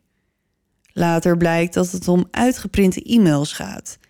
Het duurt een maand voordat ze ze allemaal in elkaar gepuzzeld hebben. En als ze eindelijk alles compleet hebben, ontvouwt zich een hele nieuwe laag in deze zaak. Het blijkt om duizenden e-mails te gaan, waarvan de meeste communicatie tussen Barbara en CIA Chris is. Naast de waarschuwing aan Barbara dat Bill en Billie Jean uit waren op Janelle, heeft hij het ook eh, over haar oudste dochter. Christy heeft ook een bedrag uitgeloofd voor de dood van Barbara. En ik heb een klein stukje uit zo'n mail van Chris. Wat ik heb gevonden over Christy is waar en ze zit in de Panari. Je kunt haar niet helpen. Het is te laat. Ze moet volwassen worden. Ik heb familieleden vermoord in Rusland en New York en op nog een paar plekken. Doden stoort me helemaal niet. Ik ben niet langer bang voor Christy. Ik kan haar elk moment vermoorden. Dat doe ik gewoon. Ik hoop dat God mijn werk begrijpt. Ik geloof nog steeds in hem. De mails zitten vol spelfouten en vreemd gebruik van interpunctie. En laat dit nou net een manier zijn waarop Janelle schrijft. Nee. Ja, je zou denken dat iemand met een opleiding en een goede baan als Chris, een CIA-agent, een stuk beter zou zijn in schrijven. Voor Barbara ging er in ieder geval geen belletje rinkelen. Ehm, zij gelooft dat Chris haar en haar familie beschermt tegen al het kwaad, zelfs tegen haar eigen dochter Christy. In het verleden liep het contact tussen Barbara en Christy zodanig uit de hand dat Christy een contactverbod tegen haar eigen moeder aanvroeg. Christy, inmiddels gescheiden van haar man, trok bij haar oma in, de moeder van Barbara die in Mountain City woont. Christy en haar oma zijn altijd hecht geweest en ze woont liever bij haar dan bij haar ouders en zus. Als de oma in het ziekenhuis terechtkomt, dringt volgens Christy de rest van de familie het huis binnen om haar te bedreigen. Later probeert Barbara Christy op te laten pakken, omdat ze op haar auto een kenteken uit Pennsylvania heeft, terwijl ze in Tennessee woont. Oh, het klinkt echt als een vreselijke tokkie-familie dit. Het klinkt ook heel erg vermoeiend. Oh, Ja, en het mogen dus wel duidelijk zijn dat de band tussen Christy en haar moeder slecht is. Chris wakkert de woede van Barbara met elke e-mail aan. Volgens hem is ze het slachtoffer en hij geeft haar steeds meer emotionele munitie om tegen Christy te gebruiken. Veel van de mails gaan over de gemene opmerkingen die Bill en Billie Jean zouden hebben gemaakt over Janelle. Andere e-mails gaan in detail over het drugsgebruik van Bill en het feit dat hij drugs dealde. Nou ja, zoals we al eerder hebben vastgesteld, heeft Bill helemaal nooit echt drugs gedeeld als je dat ruilen van die pillen niet meetelt. ja. Ehm, hij gebruikte zelfs helemaal geen drugs meer. En alles wat er in die mails wordt gezegd is dus helemaal niet waar. Na de geboorte van Tyler was hij zelf gestopt met roken... omdat hij niet wilde roken in de buurt van zijn baby. De politie is natuurlijk niet van gisteren, dus ze graven dieper. Ze traceren het IP-adres. En wat blijkt? De e-mails van Chris werden verzonden vanuit het huis van de familie Potter. ja, natuurlijk. Ja, ze laten de mails analyseren en forensisch taalkundigen bevestigen dat het taalgebruik, de spelfouten en de rare interpunctie overeenkomen met de schrijfstijl van Janelle. Ze hebben een geschreven verklaring van Janelle en die hebben ze gebruikt om te vergelijken. Barbara heeft de link tussen de twee nooit gelegd. Voor haar was Chris de zoon die ze nooit heeft gehad. Janelle wist dat haar moeder dol was op de CIA-verhalen van haar vader, dus ze wist dat ze dat kon gebruiken om haar moeder te misleiden. Het feit dat Buddy het niet verdacht vond dat zijn vrouw contact heeft met een CIA-agent, maakt zijn eigen CIA-verhaal er niet echt per se geloofwaardiger op. nee, Nee. precies, ja. Wat Janelle betreft, Chris was een soort van haar alter ego. Ehm, hij is alles wat zij niet is. Een bereisde, mysterieuze man die slechterikken vermoordt. Hij is getrouwd met zijn enige ware liefde, zijn soulmate, maar zij stierf helaas. Janelle beweert zelf dat Chris op dezelfde dag in hetzelfde ziekenhuis is geboren, een paar minuten na haar. ja. Ja. En de naam die ze koos, Chris, is ook niet geheel toevallig als je bedenkt dat haar zus Christy heet. Ehm, en er komt zometeen verderop in het verhaal nog een Chris. Eh, die heeft er ook mee te maken. De e-mails geven een kijkje in de donkere kanten van haar geest. Dit is niet wat ze je laat zien als je met haar praat. De kinderlijke stem, het zoete gedrag, dat naïeve. Eigenlijk is ze heel erg slim en manipulatief. De mails naar Barbara begonnen rond de tijd dat Billie Jean bij Bill introk. Als Chris kan Janelle uiten wat ze hierover voelde en dacht, iets wat ze als Janelle niet kon. Barbara werd gecatfished door haar eigen dochter op de computer die ze allebei gebruiken. En voor wie niet weet wat een catfish is en nooit naar Neve en Max heeft gekeken, ehm, een catfish is iemand die een valse online identiteit creëert om iemand te misleiden. Ehm, vaak gebruikt als het om online daten gaat of in het geval van fraude, ehm, zoals bijvoorbeeld de Nigeriaanse prins die je zijn erfenis wil nalaten. En voor wie het trouwens leuk vindt, Catfish van Neve is er tegenwoordig ook als podcast. Oh, Ja. dat wist ik nog niet. Even een tipje tussendoor. Janelle catfisht haar moeder om haar te laten geloven dat haar leven in gevaar is. Via Chris voert ze een stukje bij beetje informatie aan Barbara, die denkt dat haar dochter op het punt staat vermoord te worden. Ze weet ook dat haar moeder alles doorspeelt naar haar vader. Waarschijnlijk vertelde Barbara een hoop aan Buddy, terwijl Janelle ook gewoon in de buurt was. Uit de e-mails blijkt dat het Barbara's idee was om Jamie te vragen om Buddy te helpen bij de moorden op Bill en Billie Jean. De politie heeft genoeg bewijs om Barbara en Janelle te arresteren. Ze worden beide aangeklaagd voor moord en samenswering tot moord. Barbara en Janelle ontkenden elke betrokkenheid bij de moorden. En Janelle durft zelfs nog te beweren dat zij zich niet had voorgedaan als Chris. Barbara hield ondertussen vol dat iemand anders haar e-mailadres heeft gebruikt om met Chris te communiceren en dat ze niet kunnen bewijzen dat zij het was die met Chris mailde. Uh-huh. Ja, natuurlijk. Ja. Ehm, oh, en nog iets wat Barbara naar Chris gestuurd heeft. We hebben er genoeg van. We willen rust. Niemand wil hier iemand vermoorden, maar we zullen het doen. Nou ja, dat doet je zaak natuurlijk ook niet echt goed. Uh, nee, maar dat was toch eigenlijk meteen al duidelijk. Ja, uh, ze hebben het bericht van Janelle aan Jamie op de ochtend van de moorden natuurlijk ook nog. Um, ook dat helpt niet. Nee. Het bewijst in ieder geval dat ze op de hoogte was van wat er stond te gebeuren. Uit een gesprek met Barbara blijkt dat haar moeder liefde wel grenzen kent. Ze houdt bij hoog en laag vol dat ze niets met de zaak te maken heeft. Als ze haar vragen of ze denkt dat Janelle schuldig is, zegt ze: "Hm, Ik weet het niet. Ik hoop van niet. Ik hou van haar, maar ik ga niet levenslang voor haar zitten. Nou, kan ik me ook weer wel bij voorstellen. De eerste die voor de rechter verschijnt is Buddy in oktober 2013. Er komen een hoop getuigen aan het woord die verklaren dat Buddy vaak dreigend verdrag vertoonde. Als iemand ook maar scheef naar Janelle keek, kregen ze met haar vader te maken. De verdediging voert aan dat Buddy onschuldig is en dat de moorden het gevolg zijn van een misgelopen drugsdeal. De jury denkt er echter anders over, um, na al het bewijs aangehoord te hebben. Ze hebben maar drie uur nodig om Buddy schuldig te verklaren en ze geven hem twee keer levenslang. Er komt ook nog aan het licht dat Buddy in 2004 werd veroordeeld omdat hij had gelogen over zijn diensttijd in Vietnam. De medailles die uitgestald waren in zijn huis waren niet van hem. Um, en hij was dus toch niet de oorlogsheld die hij claimde te zijn. Jezus, Mina. Ja, de zaak tegen Janelle en Barbara was een stuk lastiger. De openbaar aanklager moet bewijzen dat ze allebei schuldig zijn, ook al waren ze niet bij de moorden zelf aanwezig. Er werd nooit enig bewijs gevonden dat Bill of Billie Jean ooit bedreigd hebben. En het hele drama ontstond natuurlijk uit Janelle's jaloezie, uh, omdat ze de man die ze wilde hebben niet kon krijgen.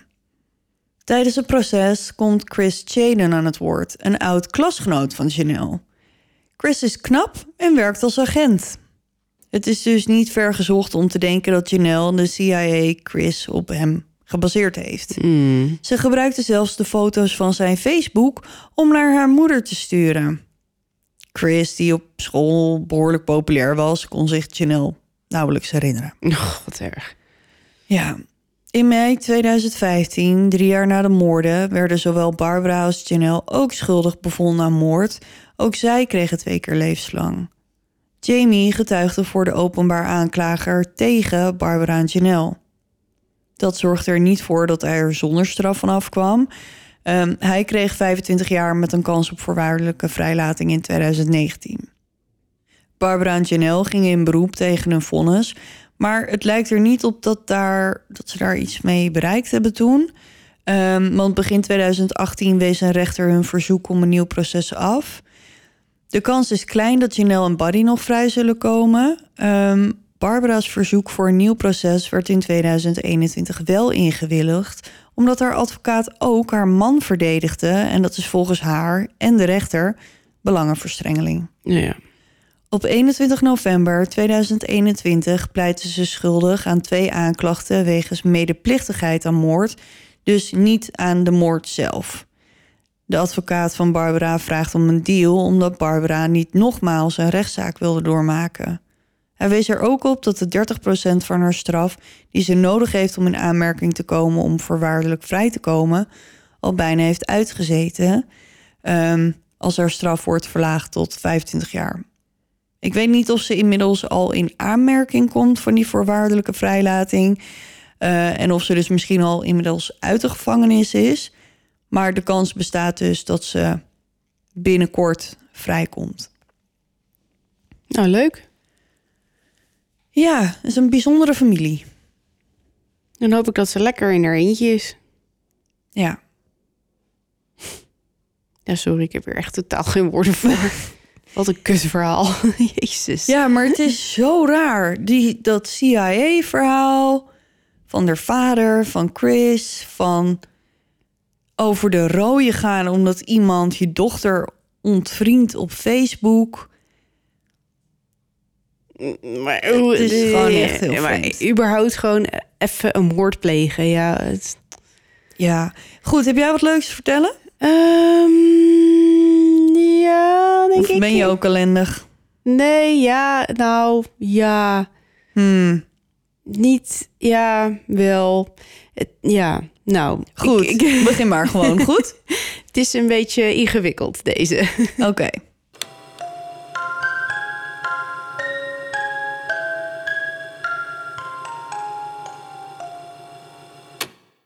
Vandaag vertel ik het verhaal van Laura Clark, die niet één keer, maar minstens vier keer ontvoerd werd door aliens. En niet alleen zij, ook haar zus.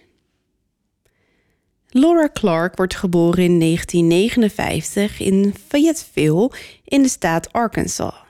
Er is niet veel over haar jeugd bekend, behalve dat zij en haar familie nooit lang op één plek blijven.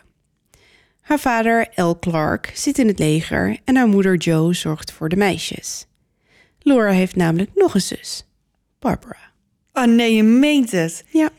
Jongens, ik, mijn tweede naam is Barbara. En na de afgelopen afleveringen ben ik wel een beetje in staat om mijn tweede naam te veranderen. Ja. Inmiddels. Naar Joe, Savine.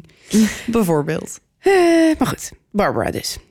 Vanwege Els baan verhuist het gezin van basis naar basis. Zo gaan ze van Fort Benning in Georgia naar Fort Leonard Wood in Missouri en uiteindelijk naar Fairbanks, Alaska. Oeh. En het is in Alaska waar Laura, die dan vijf is, de meest bizarre gebeurtenis van haar leven zal meemaken. Het begint voor het eerst in de zomer nadat een grote aardbeving het stadje Anchorage heeft getroffen in 1963.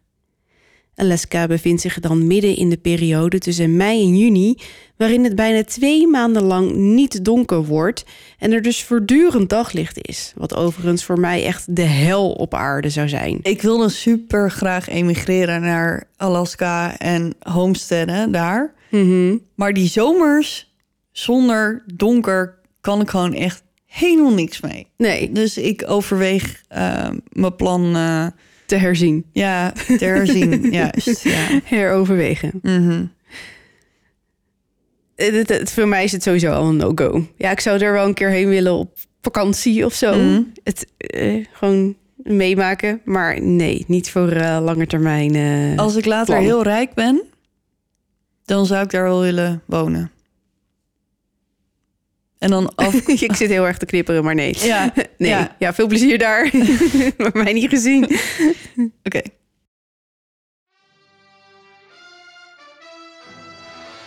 Op een avond is het buiten zo helder als 12 uur s middags en Joe brengt haar dochters naar bed. Ze kletst nog wat met de meisjes en sluit de gordijnen van de kamer om het oneindige daglicht buiten te houden en kust daarna haar dochters wel rusten.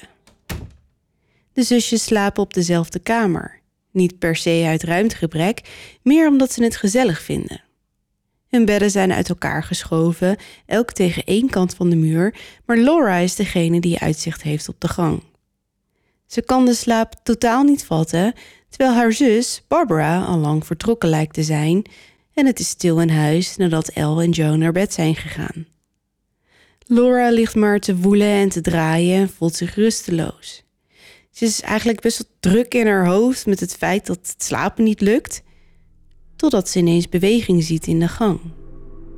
Ze komt omhoog, knijpt haar ogen samen en tuurt de schemerige gang in, maar ziet helemaal niets. Na enige tijd besluit ze zich om te draaien en met haar gezicht naar de muur te gaan liggen. Het is nog steeds doodstil in huis, maar dan hoort ze iemand door de kamer lopen. Ze gaat er automatisch van uit dat het haar moeder is en doet alsof ze slaapt. Plotseling worden de gordijnen met een ruk opengeschoven. Laura schiet overeind en instinctief schieten haar handen naar haar ogen om ze te beschermen tegen het onverwacht felle licht. Al knipperend krijgt ze letterlijk zicht op de situatie. Bij het raam staan enkele zeer vreemde wezens. Ze zijn grijs, klein en dun, met lange vingers en een hartvormig hoofd met erin grote zwarte ogen. Ze dragen geen kleren en hebben niets bij zich. Ze staan daar maar, compleet zwijgend. Laura zegt ook niets. Ze heeft nog nooit in haar hele leven zulke vreemde wezens gezien. Het zijn geen mensen, dat is duidelijk, maar wat ze wel zijn, dat weet ze niet. Ze is ook niet meteen bang, maar ze heeft geen idee wat ze hiermee aan moet. Maar dan gebeurt er iets. Barbara's dekens worden met een ruk van haar bed getrokken. Ze lijkt er niks van te merken, want haar ogen zijn nog steeds dicht en ze wordt ook niet wakker. Laura staart ernaar, doet haar mond open om wat te zeggen, maar er komt geen enkel geluid over haar lippen. Plotseling komt Barbara overeind. Ze zweeft enkele centimeters boven het bed, maar komt daarna helemaal omhoog naar een soort van staande positie. En nu wordt Laura wel bang. Maar ineens vliegen haar eigen dekens weg en belanden met een plof in de hoek van de kamer. En dan overkomt haar iets ongelooflijks. Ze begint te zweven. Ze kan zich totaal niet bewegen en het voelt alsof ze vastgebonden is met haar armen strak tegen haar lichaam gedrukt. En nu komt ook zij overeind. Barbara zweeft voor haar langs de kamer uit, nog steeds in slaap. Laura voelt dat ze in beweging komt. Ze zweeft langs de bedden, de kamer uit, de gang in en richting de trap. De kleine wezens gaan met hen mee. Een van hen blijft heel dicht bij haar, alsof hij degene is die op haar moet letten. Bij de trap aangekomen voelt ze paniek opkomen. Hoe zorgt ze dat ze niet naar beneden valt? Ze probeert met haar benen te spartelen om de eerste trede te raken, maar dan, totaal onverwacht, hoort ze een stem in haar gedachten. Uh-oh. Haar ogen draaien in hun kassen en Laura kijkt naar het mannetje naast haar. Hij praat tegen haar, maar zijn mond beweegt helemaal niet. Het wezen staart terug, terwijl zijn woorden in haar hoofd klinken. Hoeft niet, dat doen wij wel voor je. En nu merkt ze dat ze langzaam de trap af begint te zweven. Eenmaal beneden gaan ze de gang door en zweeft daarna voorzichtig door de woonkamer, alle meubels vakkundig ontwijkend.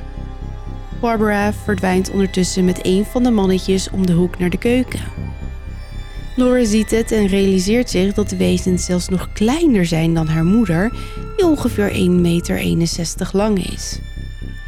Woorden vormen in haar hoofd een vraag, maar voor ze zelf weet hoe ze die vraag precies wil stellen, krijgt ze al antwoord. Nee, wij zijn niet als jullie. Wij zijn niet menselijke levenden. Daarna zweeft Laura net als haar zus de hoek van de keuken om en krijgt daarna een totale blackout.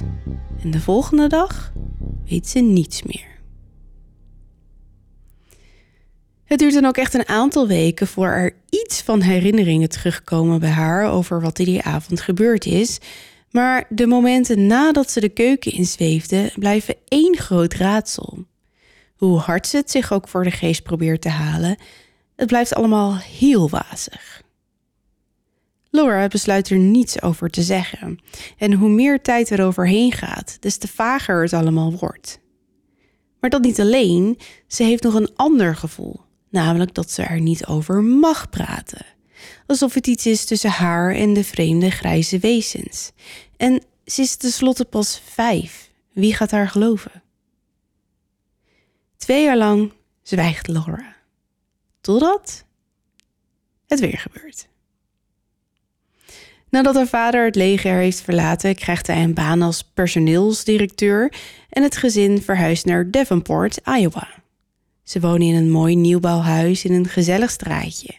Ze hebben een mooie achtertuin, compleet met schommel en glijbaan. En het is ook maar een paar minuten lopen naar school. Op een avond wordt Laura wakker terwijl ze door de tuin zweeft. Het arme meisje heeft geen idee hoe ze daar gekomen is en verwilderd kijkt ze om zich heen. Ze ziet de achterdeur van het huis en de schommel allebei vanuit een hele vreemde hoek. Bewegen lukt niet. Het voelt weer alsof haar armen strak tegen haar lichaam gebonden zijn. Ze komt dichter bij het huis, zweeft de open achterdeur door, de trap op en de gang door, tot ze bij haar bed naar een staande positie wordt gebracht en eindigt daar voorover met een plof op haar bed.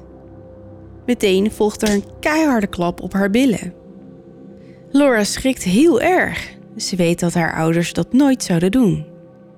Ze ligt op haar buik bovenop de dekens en merkt dat haar benen en billen onbedekt zijn. Voorzichtig om niet op te vallen, voelt ze of ze nog steeds haar onderbroek aan heeft en gelukkig is dat zo. Maar wie heeft haar die klap verkocht? En terwijl ze over die vraag nadenkt, hoort ze in de gang het vertrouwde geluid van de leren sloffen van haar moeder. Alleen, er is iets anders aan. Ze herkent het geluid uit duizenden, maar nu klinkt het heel gek. Alsof iemand haar moeder sloffen heeft aangetrokken om het op haar te doen lijken, maar niet is. De voetstappen verdwijnen uit de kamer, gaan de gang in naar de kamer van haar ouders, waar de kast open gaat en de sloffen met een luide dreun ingegooid worden. Daarna volgt er nog wat gerommel, maar plots klinken er vanuit de gang bizarre, robotachtige stemmen. Het klinkt totaal niet menselijk. Het zijn een soort bizarre bliepjes en tonen. Het lijkt op een conversatie, maar Laura begrijpt er helemaal niets van. Het meisje ligt nog steeds op bed, wachtend en ondertussen doodsbang. Maar plots blijft het stil. Er is geen enkel geluid meer. Uren wacht ze, niet bewegend totdat de zon opgaat en de eerste stralen door de gordijnen schijnen. En dan pas durft Laura zich voorzichtig om te draaien. Ze kijkt naar haar zus die nog diep in slaap is. Langzaam komt ze omhoog, maar uiteraard is er geen spoor meer van de grijze mannetjes. In de maanden die volgen is Laura niet meer de oude. Ze is nu zeven, maar realiseert zich heel goed dat wat haar overkomen is eigenlijk niet normaal is. Ze is continu bang en gedraagt zich schichtig. Haar moeder merkt haar vreemde gedrag wel op, maar krijgt niet uit haar dochter gepeuterd waar dat dan vandaan komt. Laura weet dat ze niks mag zeggen. Hoe ze daarbij komt, weet ze niet. Het is meer een soort van gevoel. Toch lijkt alles na een tijd weer normaal te worden en verhuist het gezin wederom. Dit keer pakken ze hun spullen en vertrekken naar het plaatsje McGregor in Iowa. Daar blijven ze enkele maanden voordat ze zich uiteindelijk in Delavan in Wisconsin vestigen. Daar wonen ze in een gezellig en schilderachtig landhuisje. Het is van steen en heeft een garage en er zit zelfs een verdieping op. En ik heb Delavan even opgezocht, want ik was wel benieuwd. Mhm. En het is zo'n typisch Amerikaans stadje met maar één grote hoofdweg en een paar winkeltjes. Mhm. En het meest spannende wat er te beleven valt, en dat is dan best wel cool, is een soort van theater slash paardenshow waar je tegelijkertijd kunt dineren. Oh, maar dat wil ik. Ja, ik, dat vond ik ook wel leuk. Ja. Ja, maar goed. Hoe dan ook, Laura is nu negen en het vorige voorval is eigenlijk een beetje weggezonken tot een vreemde, vage herinnering. Maar zoals ik het al zei, vier keer, uiteraard blijft het hier niet bij. Nee. Het is midden in de zomer van 1967 wanneer ze op een nacht wakker wordt van een ontzettend fel wit licht. Eerst denkt ze nog dat het een lantaarnpaal is, maar het is zoveel dat ze er niet eens in kan kijken. Niet wetend wat ze nu moet doen, maar toch ook wel geïntrigeerd, loopt ze voorzichtig naar het raam. Eenmaal daar ziet ze de bron van het felle licht. Het komt achter de garage vandaan en het is slechts één straal. De straal komt uit iets zwarts dat boven het huis zweeft en de brede vorm van een ovaal van zo'n 8 meter breed heeft. Laura staart naar haar met open mond. Plots hoort ze weer een stem in haar gedachten. Hij vraagt haar of ze het licht mooi vindt en of ze er soms even in wil spelen. Maar het enige antwoord wat ze kan bedenken is dat daar spelen helemaal niet zo'n goed idee is, want ze heeft morgen school. Ze krijgt geen reactie, maar in plaats daarvan begint haar hele lichaam te tintelen. Het voelt alsof iedere cel in haar lijf vibreert en ineens komen haar voeten van de grond los. Ze zweeft richting het raam en gaat er dwars doorheen, maar het breekt niet. Totale paniek overvalt het meisje, maar het volgende ogenblik bevindt ze zich al buiten boven de oprit. Langzaam zweeft ze verder richting de straal van het witte licht. Ze gaat hoger en hoger de lucht in, totdat ze vlakbij het zwarte object is dat nog steeds boven het huis hangt. Ineens maakt ze een draai naar links en er gaat een luik open, waarna ze naar binnen zweeft.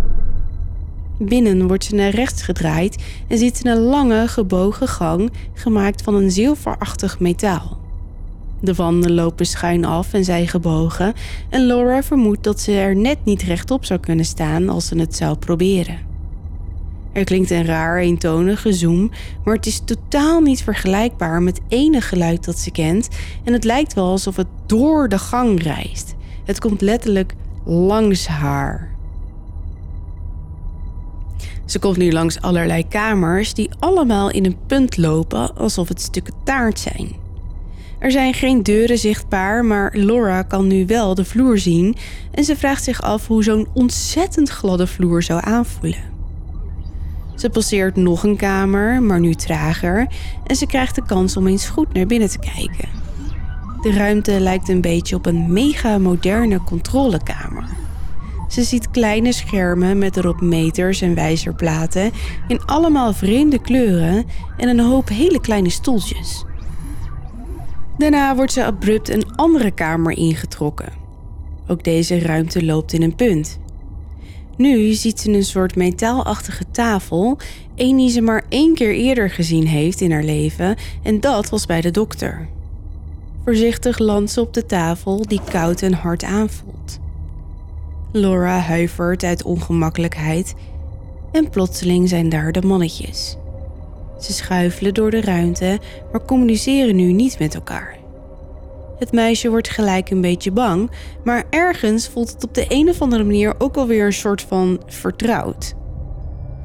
Maar dat soort van vertrouwde gevoel slaat al gauw om in pure angst wanneer ze voelt dat er een andere aanwezigheid bij is gekomen. Maar deze aanwezigheid is helemaal niet goed. Ze kan gelukkig haar hoofd een beetje draaien, maar krijgt daar meteen spijt van. In de hoek staat voor haar een tot nu toe compleet onbekend wezen. Het ziet er een beetje uit als een diep zwarte bitsprinkhaan en is ruim 1,90 meter lang. Laura krijgt het meteen doodsbenauwd en een golf van angst en afgrijzen overspoelt haar. Ze probeert te bewegen, maar dat lukt niet. Het lijkt wel alsof haar hele lichaam in cement is gegoten. Haar hartslag schiet omhoog het zweet breekt eruit en een enorme paniek duwt haar logisch denken compleet naar de achtergrond. Ze wil hier alleen nog maar weg, nu. Ineens lichten de muren op en stralen een zacht blauw licht uit. Laura voelt zich direct kalmer worden en blijft stil liggen. Het licht is eigenlijk heel mooi en het doet haar denken aan het zeeaquarium waar ze wel eens is geweest. Nu ze weer rustig is, dwalen haar gedachten langzaam af en een tijdje lang gebeurt er helemaal niets. Maar dan verschijnt er plotseling een figuur in de deuropening. Laura draait haar hoofd en ziet een klein, grijs meisje. Het kind is kleiner dan zijzelf en heeft lang, donker en piekerig haar. Haar ogen staan een beetje schuin en zijn pikzwart. Haar ledematen zijn lang en dun en het meisje draagt geen kleren. De kinderen staren elkaar aan. Ineens is daar de gedachtenstem weer, die vertelt dat dit meisje haar zus is. En Laura begrijpt het, alsof ze dit gegeven al jaren kent. Dit wezen is genetisch haar zus en lijkt zelfs meer op haar dan haar echte zus, die blond haar heeft en bruine ogen. Laura zelf heeft lang donker haar en olijfgroene ogen. Plotseling vraagt ze zich af of haar ouders hier misschien ook mee naartoe zijn genomen. En als dat zo is, Wat zouden die grijze mannetjes dan gedaan hebben? Het blauwe licht, dat blijkbaar gedimd was, gaat weer aan en Laura zakt weer weg in haar eigen gedachten. Ze heeft geen idee hoe lang ze daar uiteindelijk op die tafel ligt. Enige tijd later merkt ze dat ze teruggebracht wordt naar haar slaapkamer, wat gepaard gaat met opnieuw dwars door het raam te gaan. Haar lichaam kantelt en ze draait in de lucht met haar buik naar beneden. Met een kracht die voelt alsof ze een trap in haar rug krijgt, knalt ze onverwacht op haar bed. Laura wil protesteren, maar daar is de gedachtestem weer, dit keer met iets minder leuk nieuws. Hij vertelt haar dat ze vanaf nu moeite zal hebben met slapen en als het helemaal niet lukt, ze deze houding moet aannemen. Hm, en dan zal het wel gaan. Wat? Ja, vage. Hm. Maar niet kunnen slapen is niet het enige. Na deze ervaring heeft ze last van talloze gezondheidsproblemen. Eén daarvan is, is dat haar ogen plotseling van links naar rechts trillen en een ander is dat haar linkervoet af en toe sleept. Niet alleen lichamelijk gaat het slechter, ook mentaal wordt het nu zwaarder. Laura voelt zich vaak somber en ze maakt zich zorgen over de pitspringgaan. Haar geest blijft maar razen en constant maar denken en doorgaan om alles wat ze mee heeft gemaakt te begrijpen. Mhm. Daarnaast raakt ze geobsedeerd door de grijze mannetjes en dwalen haar gedachten constant af, vooral op school, wat ten koste gaat van haar cijfers en haar huiswerk. Ze heeft het gevoel dat ze haar ouders er meer dan ooit over wil vertellen, maar het knagende gevoel dat ze dat niet moet doen, blijft maar overheersen. Het voelt als een onuitgesproken bevel en ze is bang dat als ze ongehoorzaam zal zijn, er slechte dingen zullen gebeuren.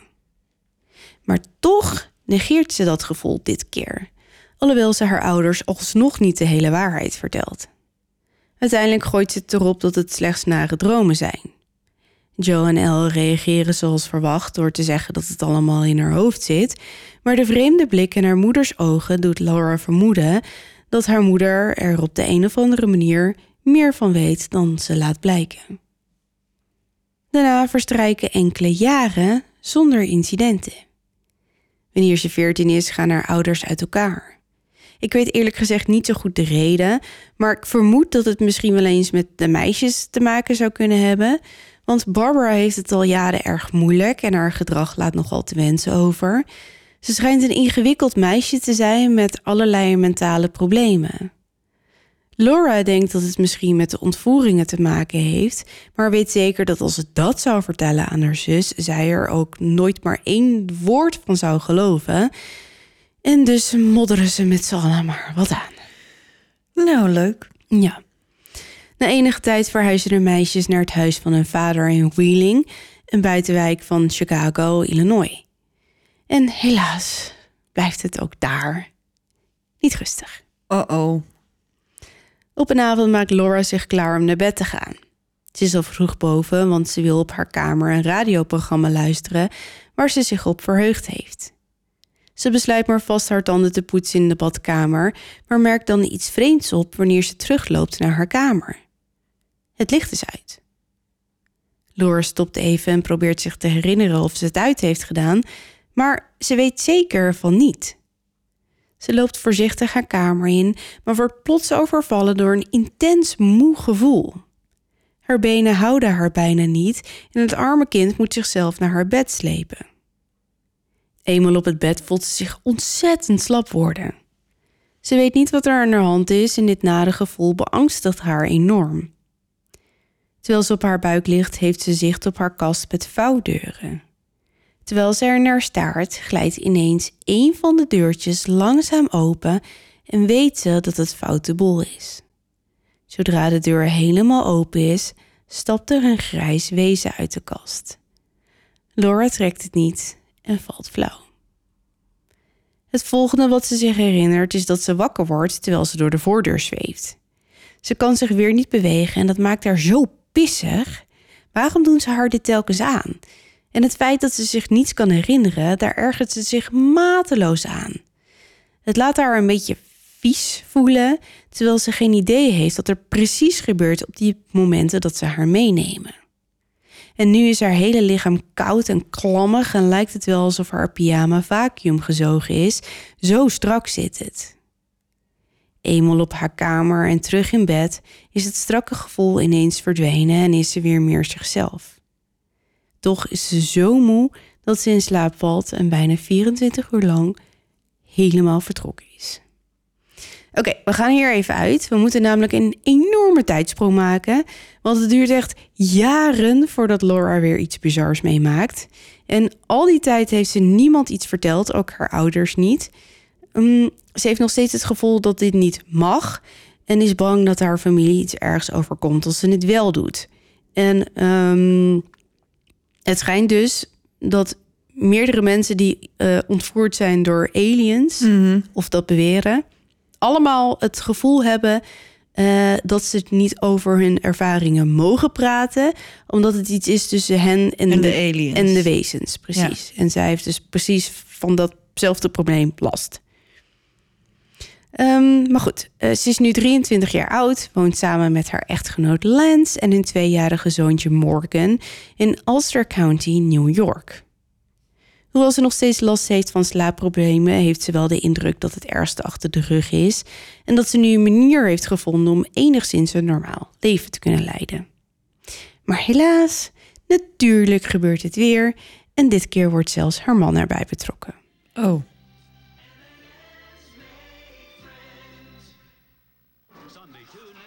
Het is zomer op een avond terwijl zij en Lens tv aan het kijken zijn. Abrupt staat hij op om naar bed te gaan en zonder nog een woord te zeggen loopt hij op een stijve, robotachtige manier naar de slaapkamer. Zo kent Laura hem niet en ze vraagt zich af of ze bij hem moet gaan kijken, maar precies op dat moment wordt ze getroffen door het intense gevoel bekeken te worden en met een schok raakt ze ervan overtuigd dat het de grijze mannetjes zijn. Verwoed snelt ze door het huis om te controleren of alle deuren en ramen op slot zijn. En om de paar minuten kijkt ze bij Lens, maar die verkeert in een soort trance, liggend op bed en in een diepe slaap. Wat ze ook doet, ze krijgt hem niet wakker. Het lijkt wel alsof hij bevroren is. Ineens voelt Laura de ontzettende drang om bij haar zoon Morgan te gaan kijken en ze treft hem in dezelfde toestand. Langzaam borrelt de paniek op en de angst wordt alleen maar groter wanneer ze merkt dat buiten de wind ineens enorm in kracht toeneemt. Ze weet meteen dat ze haar weer komen halen en nogmaals checkt ze alle deuren en ramen van hun huisje. En ja hoor, daar is het felle witte licht. Het gaat gepaard met het eentonige lage gezoem. Het jaagt haar een enorme angst aan. Ze draait zich om en krijgt dan een hartverzakking, want in de keuken staat een klein wezentje. Het is niet zoals de andere die ze eerder heeft gezien. Nee, deze is anders. Het is kleiner dan haar zoon en heeft een enorm rond hoofd, zo groot als een basketbal. De ogen zijn klein en zwart en het draagt een witte mantel met lange mouwen. Het enige wat Laura kan denken is dat het wezentje kleiner is dan Morgan en hoe ontzettend raar dat eruit ziet. En dan klinkt in haar hoofd de gedachtenstem weer en dit keer klinkt de stem erg vreemd.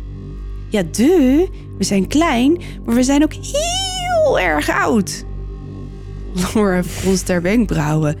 De, heel erg oud? Uh, dat is meer iets wat haar buurmeisje van 14 zou zeggen. Niet een buitenaardse wezentje van 70 centimeter hoog. En hoe oud dan? Honderden jaren? Duizenden, duizenden jaren? Achter haar begint de deurklink van de voordeur te rammelen. En het euforische gevoel dat mannetjes te slimachtig zijn geweest door alle deuren op slot te draaien, mm -hmm. wordt meteen de grond ingetrapt wanneer de deur gewoon open gaat. Maar ze is ook wel eens eerder door een raam heen gezweefd. Dus ik, ja. ik snap niet zo goed waarom ze denkt dat het helpt als ze de deur op slot doet. ja, misschien was het een schrale hoop. Maar goed, die uh, is vervlogen. Ja. Laura trekt een sprintje naar het raam om van de deur weg te komen, terwijl er grijze wezentjes naar binnen zweven. En het ziet er onwijs bizar uit. Ze duwen langzaam hun armen en benen naar voren alsof ze zich door gelei heen aan het duwen zijn. Oké. Okay. En om te stoppen laten ze hun armen plots langs hun zij hangen. Ik weet, ook, ik, moet, ik weet niet hoe ik dit voor me moet zien. Maar nee, goed. ik doe mijn best, maar Eh, Geen idee. Heel bizar. Buiten waait het intussen hard en daar is de felle lichtstraal. Het schijnt dwars door het keukenraam naar binnen en zet de eettafel in een spotlight alsof hij te koop staat in een showroom. Ondertussen zweeft een van de mannetjes de gang in, maar ineens duikt hij recht voor Laura op, waardoor ze zich helemaal de kleren schrikt. Het lijkt wel alsof het wezen zichzelf teleporteerde of zo, want het ging zo snel dat ze het niet eens in de gaten had.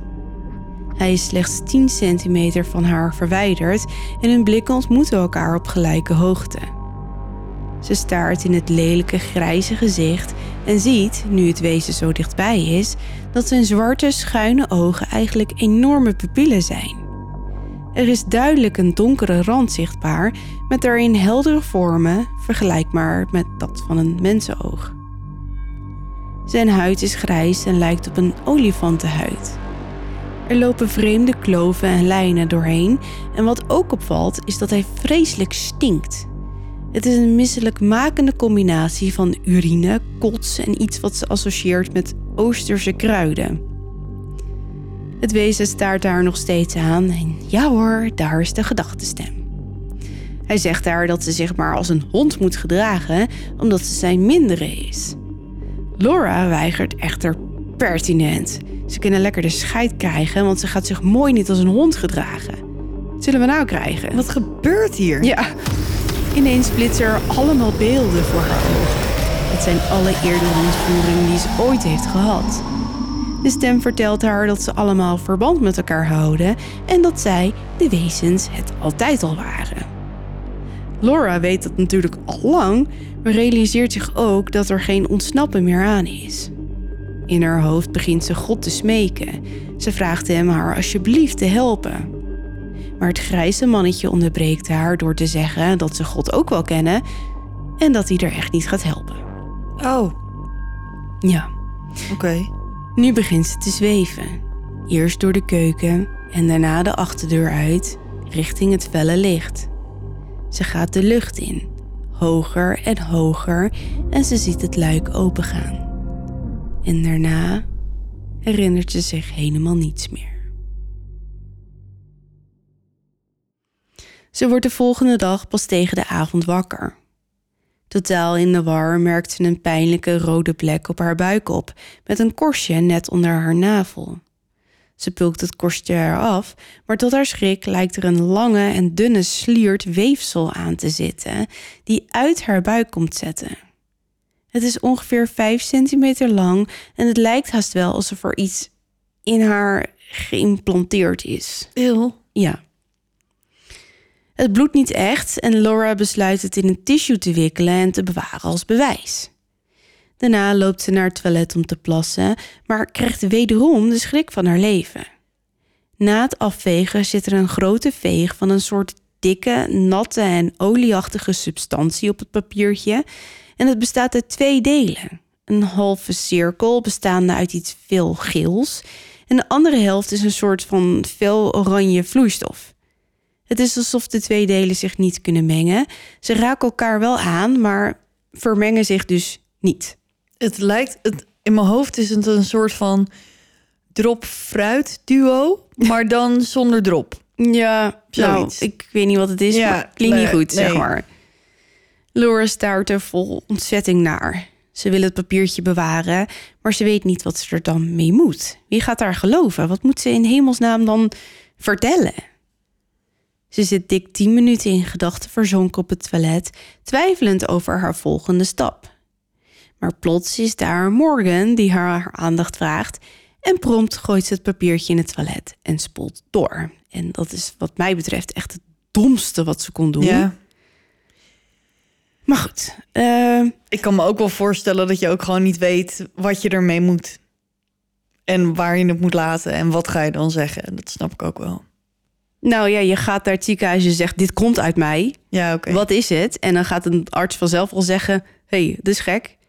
Dit hebben we nog nooit gezien. Wij gaan jou eens even onderzoeken. En dan, ja, gaat Ja. het daarna wel lopen. Ja, ja, ja, ja. Maar we hebben het natuurlijk ook wel over de Amerikaanse gezondheidszorg. En zo. Ja, ja, oké. Maar het is allemaal nog niet voorbij, want de incidenten blijven ook in latere jaren doorgaan. Laura scheidt uiteindelijk van Lance en trouwt opnieuw. Morgan is dan vijf jaar oud en Laura krijgt nog een kindje, een dochter genaamd Rachel. Het is onduidelijk waar zij en de kinderen dan verblijven, uh, maar er volgt weer een incident. Ah.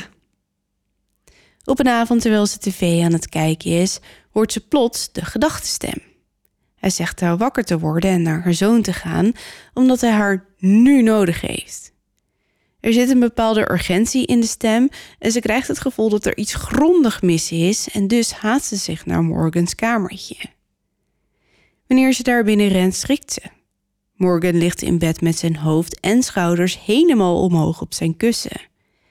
Zijn dekens zijn netjes opgevouwen en bedekken zijn lichaam vanaf de borst, alsof ze zo zijn neergelegd. Hij zit onder het bloed, vanaf zijn gezicht tot zijn hals, en het stroomt uit zijn neus, maar er zit echter geen druppel bloed op zijn kussen of dekens, alleen op hem en zijn pyjama-shirt. En wat ze ook doet, ze krijgt hem niet wakker. Ze rent naar beneden, dwars door de tuin, een monster daarna op de deur van de buren. Ze vraagt de buurvrouw een ambulance te bellen, maar in plaats daarvan volgt de buurvrouw haar op het dode gemakje naar boven en gedraait zich behoorlijk vreemd. Terwijl Laura zich naar de badkamer haast om koude natte washandjes te halen, haalt de buurvrouw juist een eetkamerstoel uit de keuken en parkeert zichzelf aan het hoofdeinde van Morgans bed. Wat? Waarom? Ja, en doet vervolgens helemaal, Helemaal niets. Nee. En het is bijna alsof ze in trance is. Mm. Laura begint nu echt te panieken en sommeert de buurvrouw nogmaals een ambulance te bellen. En uiteindelijk staat de vrouw op en vertrekt, maar belt mooi geen ambulance. En na uren krijgt Laura het bloeden gestopt, maar het lukt haar pas ochtends om haar zoon wakker te krijgen.